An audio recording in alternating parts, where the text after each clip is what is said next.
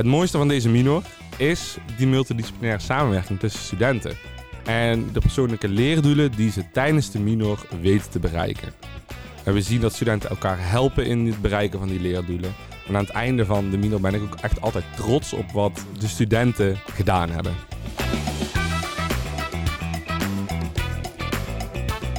Welkom bij een nieuwe aflevering van de podcastserie over de toekomst van onderwijs. En vandaag is bij mij aangeschoven aan de tafel Len Kromkamp. Welkom Len. Dag eh, Ronald. Ja, technisch gezien zijn we niet aange aangeschoven, want we staan. Maar uh, maakt even niet uit, toch? Ja, nou en technisch gezien ben, je ook niet, uh, ben ik niet aan jouw tafel aangeschoven, oh, nee, klopt. maar, ja, maar ja, ik bij jou. Want ik ben op bezoek bij de Fontis Sporthogeschool. Ja, correct. Ja. Jij kan vast aan de luisteraar die uh, jou niet kent vertellen wie jij bent en dan ook maar meteen waar we zijn. Ja. Nou ja, ik ben uh, Len Kromkamp. Uh, ik uh, ben 31 jaar. Ik zou mezelf omschrijven als een creatief, energiek en sociaal persoon. Ik hou van muziek. Ehm, eigenlijk uh, best wel veel soorten muziek. Ook muziek maken. Ik drum. Ehm, ik maak op de computer wel eens, uh, wel eens uh, muziek. Ik ben er niet heel goed in, maar dat maakt niet zo uit. Ik lees graag. Ik moest er nieuws van nu en dan. En natuurlijk ben ik zelf betrokken bij de Mino Beweegontwerper. Ja, over de locatie. Voor de luisteraar die denkt het zuiden van Eindhoven, snelweg. Ik, als ja. ik zeg naast het Pieter van de Hogeband Sportcentrum. Ja, ja, ja, ja, daar zitten we ja, steden we op afstand vandaan. Ja, bij FC Eindhoven. Tegen de, nou, als je nou achterom kijkt, dan kun je zelfs het veld zien. Ja, ja, ja, ik uh, zag een, uh, nu leeg veld. Ja, ja, daar gebeurt nu niet heel veel, maar uh, over het algemeen wel. Ja. FC Eindhoven. Ja. Dus niet PSV.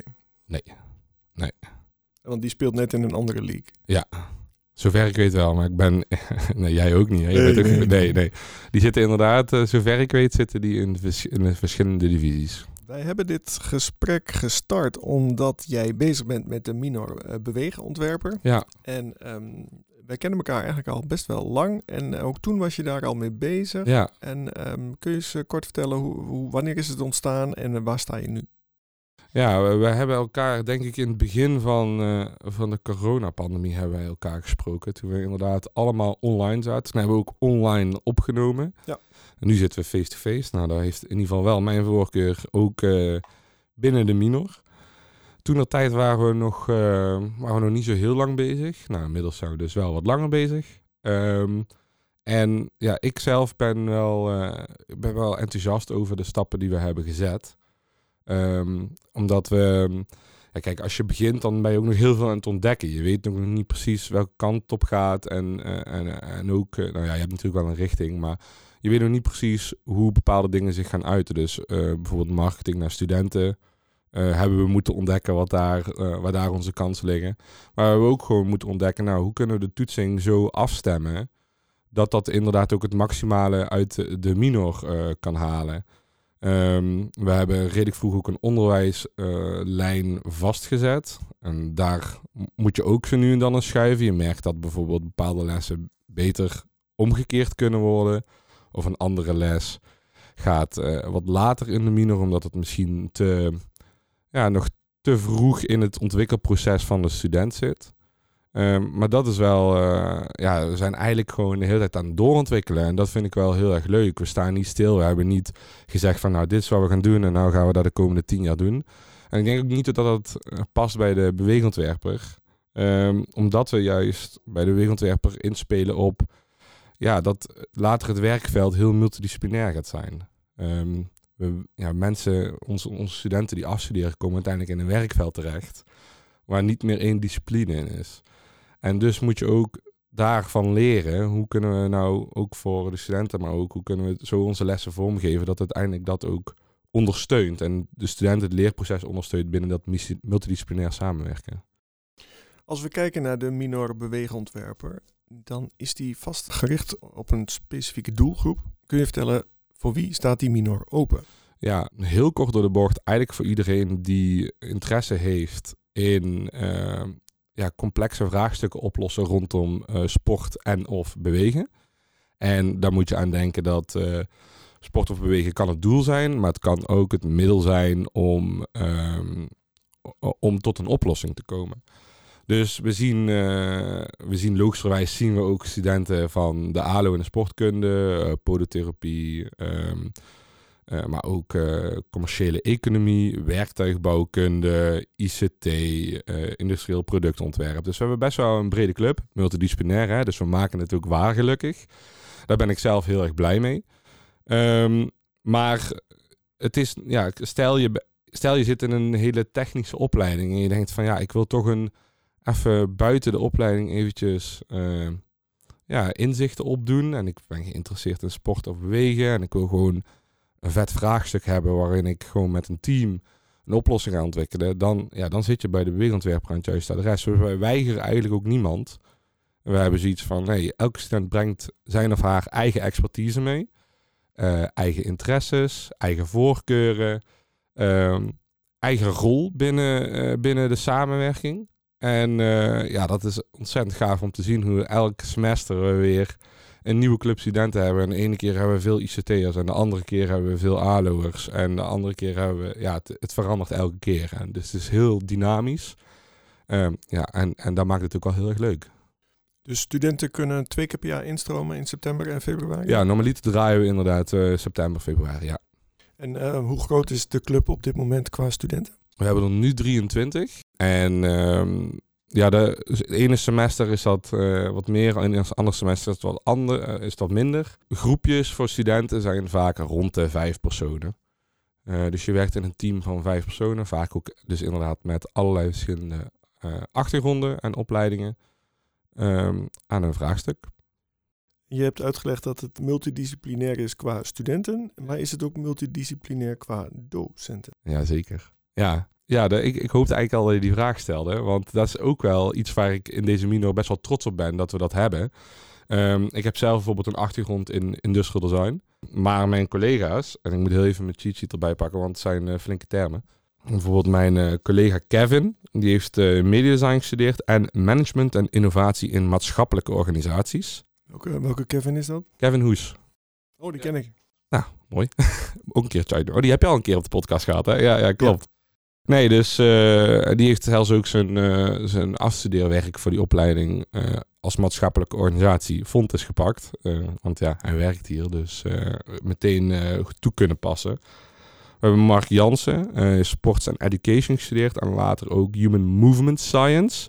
Dus die weet echt heel veel over hoe beweegt het menselijk lichaam. En ja, ja, nou ja, geen contortion zoals Cirque du Soleil, maar...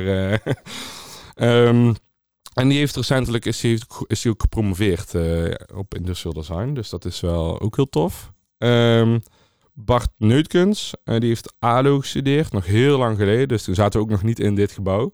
En volgens mij ook niet in Tilburg, maar in Sittard. En Human and Organizational Behavior. Dus ja, dat, hij is ook een coach binnen onze minor. En uh, dan hebben we nog Karin Michiels, ook ALO, maar heeft ook Culture and Change als achtergrond. Dus we hebben echt van alles wat. Um, je hoort ook veel maatschappelijk. Je hoort ook veel ontwerpen en je hoort ook veel bewegen terugkomen. Wat dat betreft hebben we ook een onderwijsteam die um, op verschillende manieren uh, met de student uh, aan de slag gaat. We hebben natuurlijk uh, de inhoud die gegeven wordt door onder andere ik, mijzelf, Kevin en eh, Mark. We hebben coaches, dat zijn dan Bart en Karin.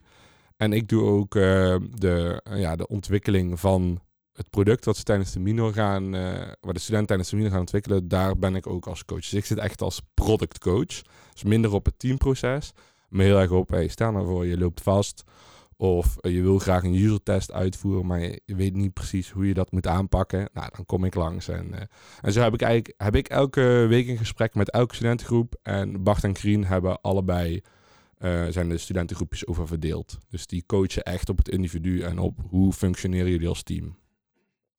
Als je nou kijkt vanuit studentenperspectief ja. en ze willen iets in de richting wat jij aanbiedt dan zijn er vast alternatieven die worden aangeboden. Kun je eentje noemen en kun je dan ook eens aangeven wat jouw beweegontwerper Minor zo uniek maakt?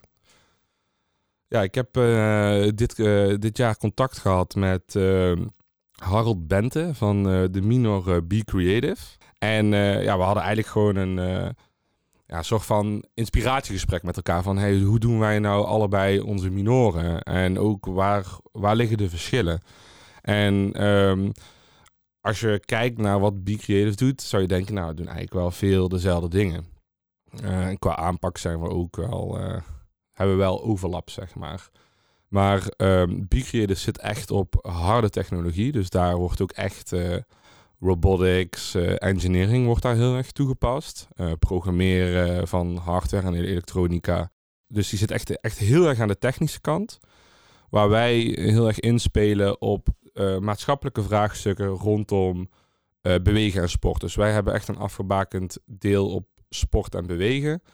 Uh, en we betrekken dus ook partijen uit omgeving Eindhoven die een vraagstuk hebben die niet zo 1, 2, 3 opgelost is. Nou wil ik niet best zeggen dat Be Creative niet vraagstukken heeft die 1, 2, 3 oplosbaar zijn. Um, hun hebben bijvoorbeeld, volgens mij hebben ze met Philips hebben ze als stakeholders er nu en dan waar ze een vraagstuk voor hebben. Um, dus ja, hoe je het eigenlijk zou kunnen zeggen is, ja, bij, bij de minoren ben je bezig met een oplossing of innovatie te ontwikkelen. Waarbij Be Creative heel erg kijkt naar de technologische kant en ook daar echt het diep in duikt. En wij zijn heel erg bezig met een maatschappelijk probleem. En hoe kunnen we daar nou, hoe kunnen we dat oplossen met bewegen uh, en sport? En dus onze oplossingen zijn niet per definitie een technologie. Kan ook marketing zijn, kan ook een sportprogramma zijn, kan ook een campagne bij de gemeente zijn. Dat, dat, gaat, ja, wat dat betreft is het redelijk open. Maar we hebben ook wel technologische oplossingen gehad. Um, en dat is ook uh, wat bij de multidisciplinaire ontstaat. Uh, de vraagstukken zelf hebben van tevoren ook niet. Je kunt niet van tevoren zeggen, nou, het antwoord gaat dit zijn. Uh, daar zijn ze te complex voor. En daar moeten ze echt, daar, daar gaandeweg kom je bij ons erachter welke richting gaan we op, waar hebben we mee te maken. Zeker na user test kom je erachter, oké, okay, dit werkt wel of dit werkt niet. En daar speel je dan op in. Ja, nu weet ik dat die uh, Minor B Creative uh, zich afspeelt met Harold Bente op gebouw, in gebouw Nexus, hier in Eindhoven. En jullie zitten in dit gebouw en die gebouwen verschillen nogal. Kun je eens ja. aangeven welke positieve rol dit gebouw speelt bij jouw Minor? Ja, nou ja, Nexus, daar zitten heel veel technische opleidingen. Hebben ook heel veel werkruimtes met techniek. En de sporthogeschool is, nou ja, zodra je binnenkomt zie je een gymzaal. We hebben hier uh, vijf gymzalen. en heel veel onderwijs rondom beweegeducatie, didactiek. en ook, we hebben, zitten hier vlak bij de velden.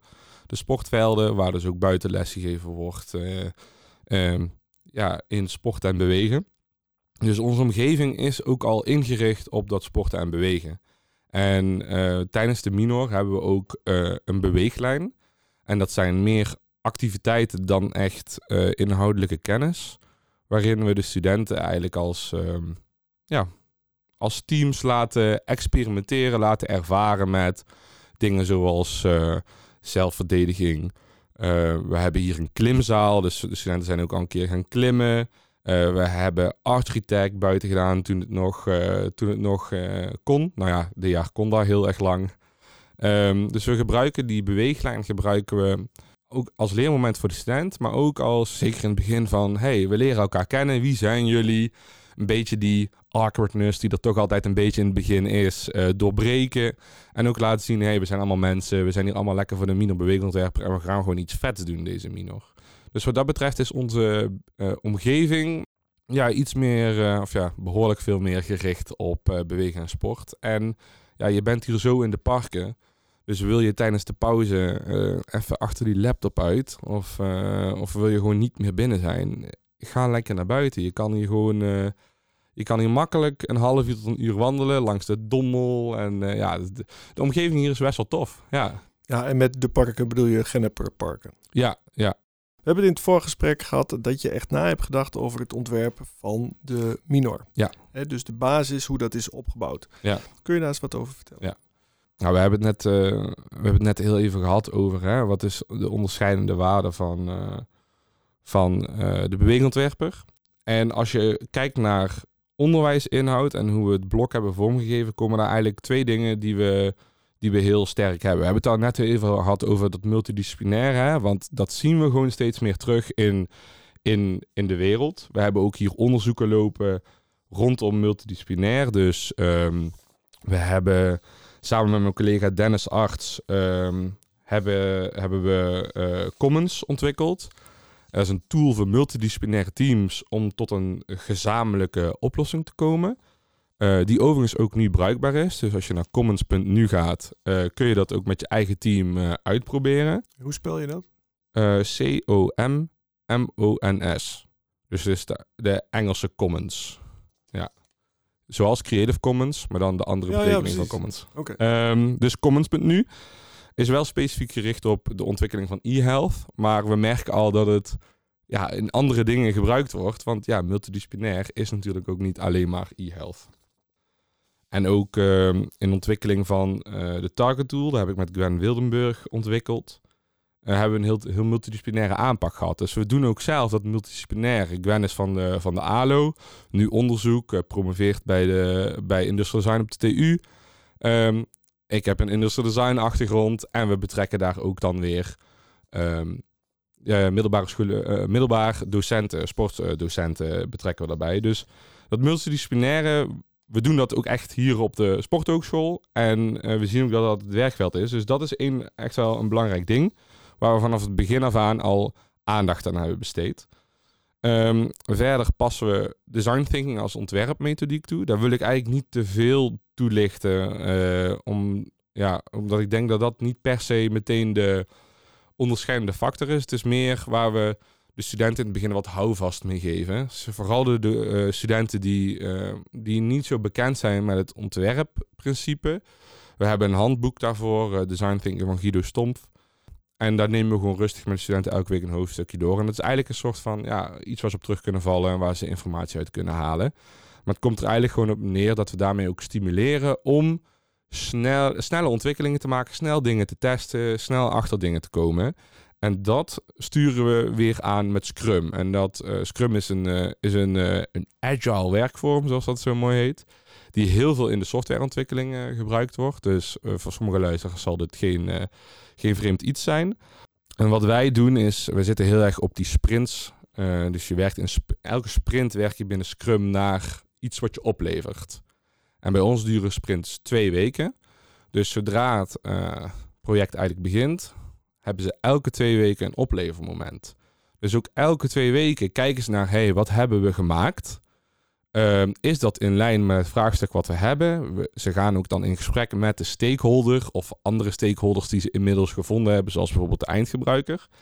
En daarmee kunnen ze ook voor de nieuwe sprint, die meteen daarna komt, kunnen ze ook soort van ja, doelen opschrijven. Van hey, oké, ja, we hebben gemerkt. Uh, het prototype uh, ging, was, een, was een leuke test, maar uh, we moeten dit ook wel echt bij de doelgroep gaan testen, want uh, onze eindgebruiker vindt het wel interessant, maar twijfelt bijvoorbeeld over wie binnen de doelgroep daar echt baat bij heeft. Bijvoorbeeld zoiets, ik zeg maar wat.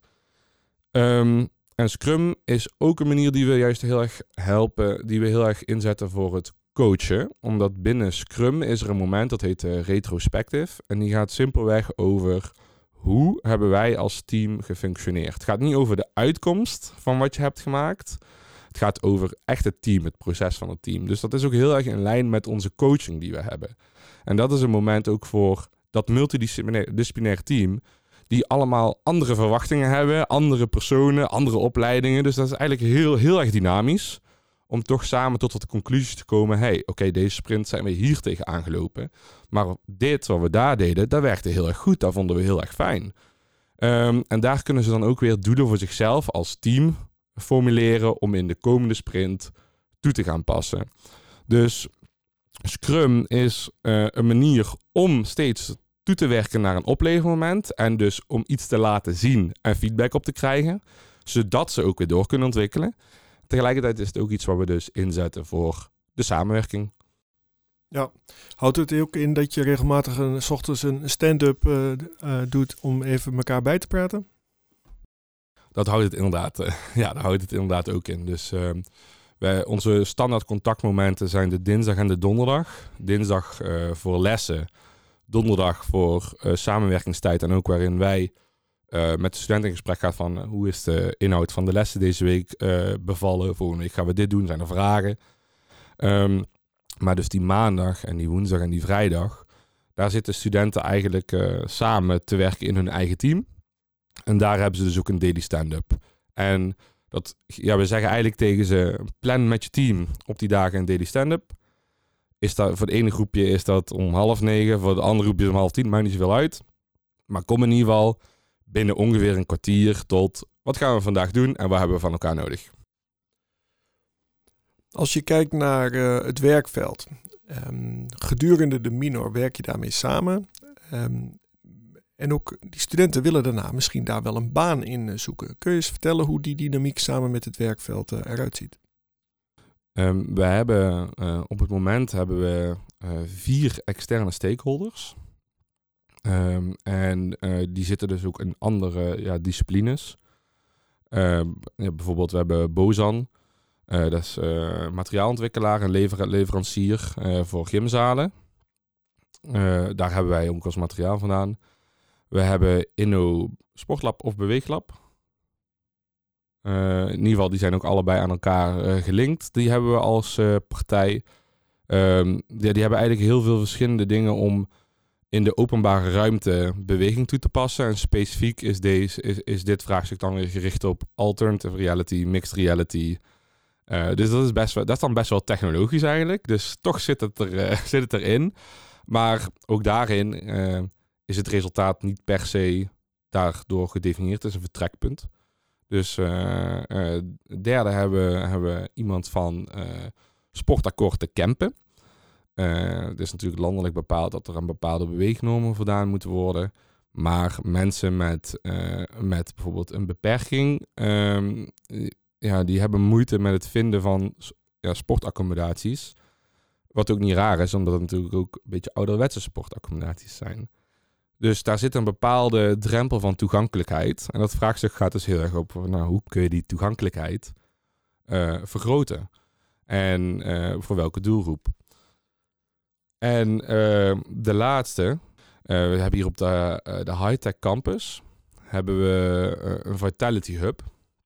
Dat is een locatie waarin we kijken hoe we kantoorwerken, dus op kantoor werken, um, minder sedentair kunnen maken. En specifiek is juist het vraagstuk van dit semester: hoe kunnen we dat nou actief maken? Hoe kun je kantoorwerk actief maken? Dus niet zozeer hoe kun je het minder zitten maken, nee, hoe kun je het actief maken?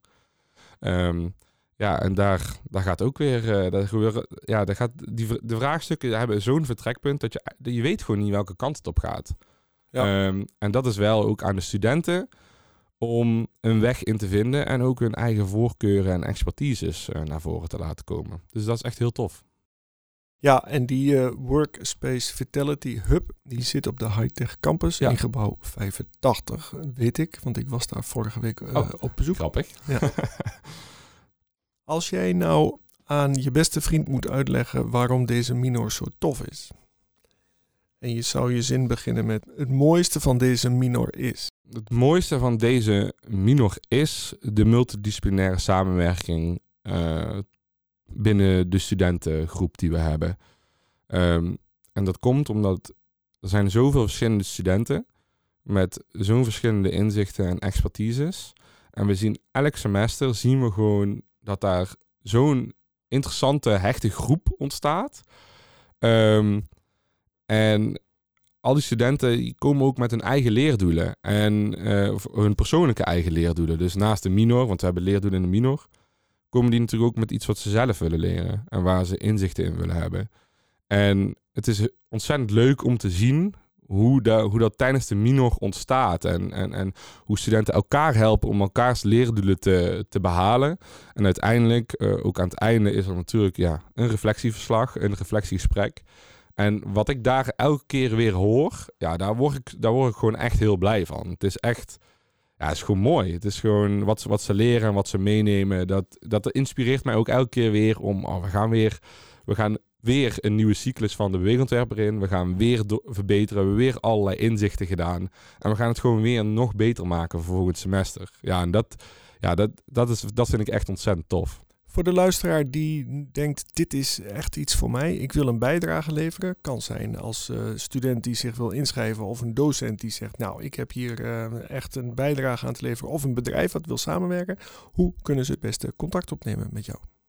We hebben de website wordbeweegontwerper.nl uh, en daar staat ook een e-mailadres op. En daar kunnen mensen naar mailen. Ja, of je kan naar mij mailen.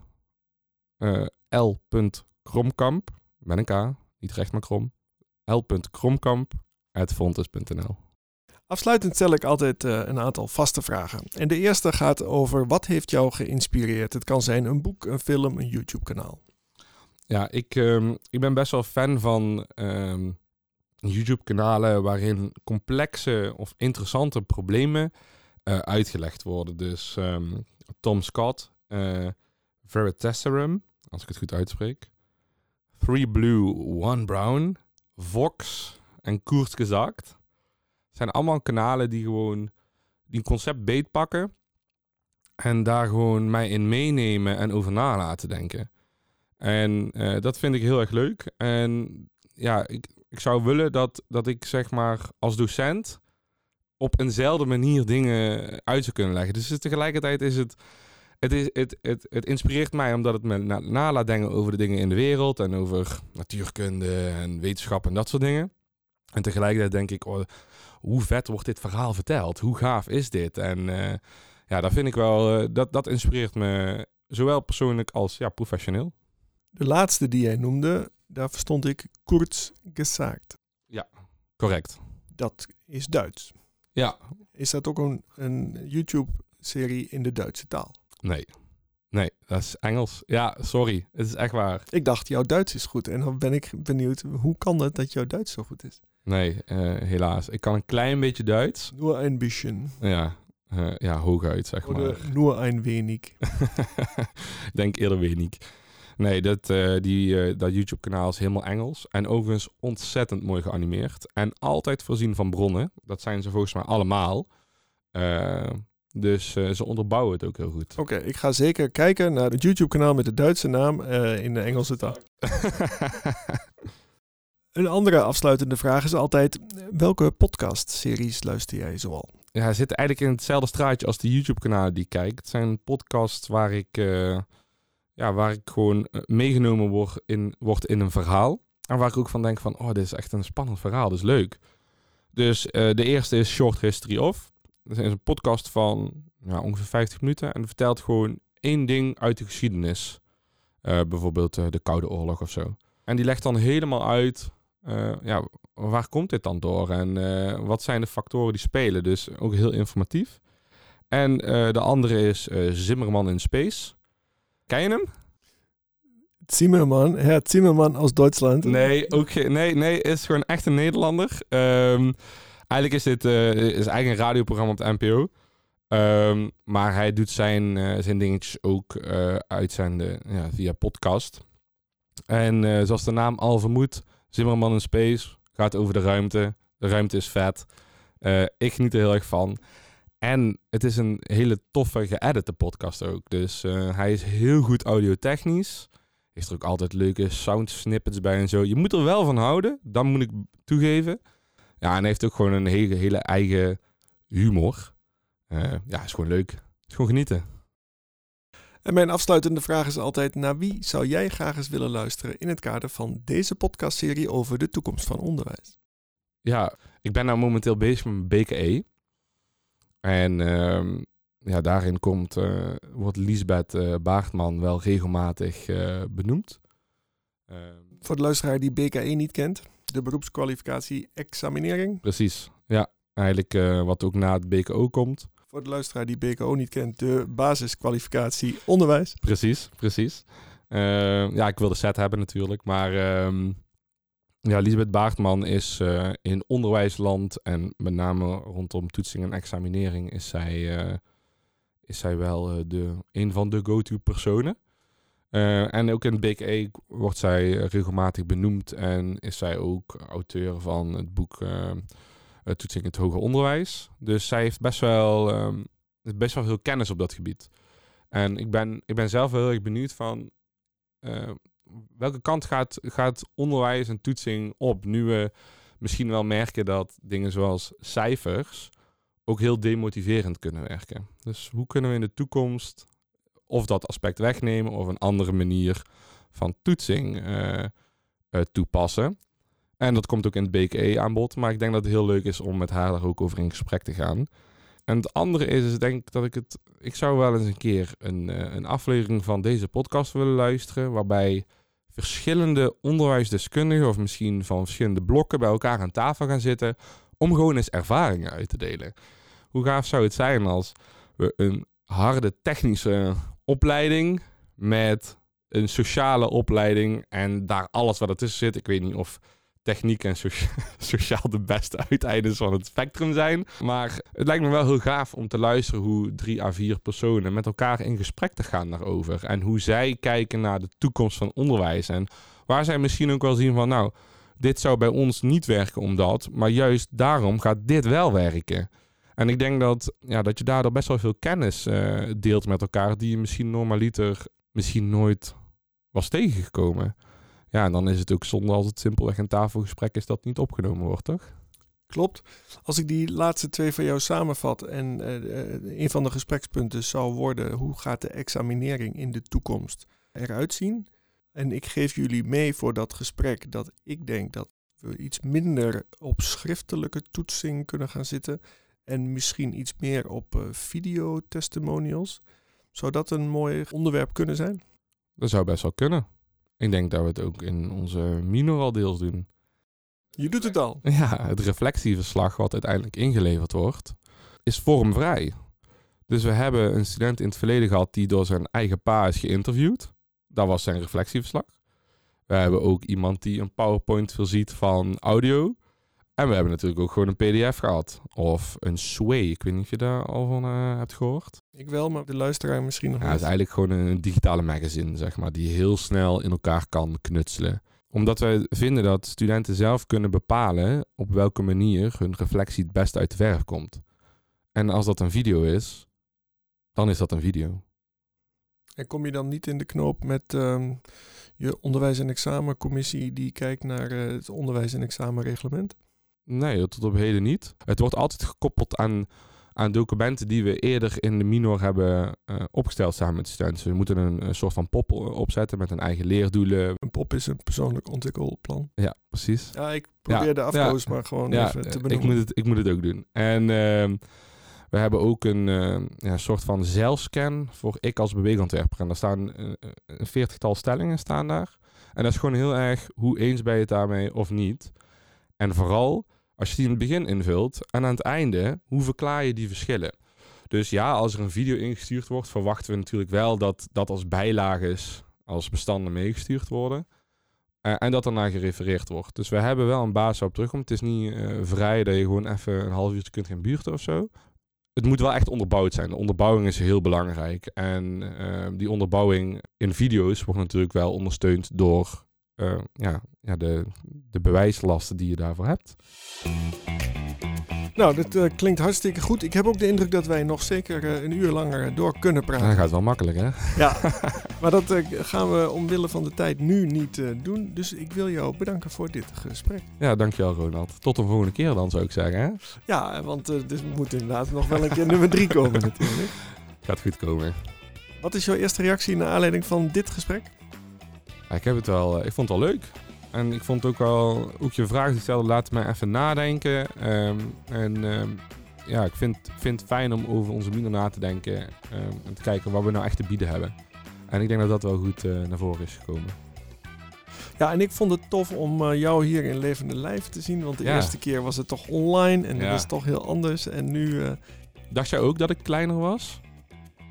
Ik heb dus, dus geen grap van toen wij dus online, ja, hè? Daar, daar, dus, toen wij dus uh, het semester wat online begon en daarna pas uh, op locatie was, kreeg ik van alle studenten horen, ik dacht dat jij kleiner was. Maar dat is niet. Ja, op de foto met een pasfoto kun je niet zo goed zien nee, hoe groot iemand is. Nee, dat is. En tot slot wil ik ook de luisteraar bedanken voor het feit dat je al die tijd bij ons bent gebleven. Vergeet niet om je te abonneren, want binnenkort staat er weer een nieuwe aflevering voor je klaar. Graag tot dan.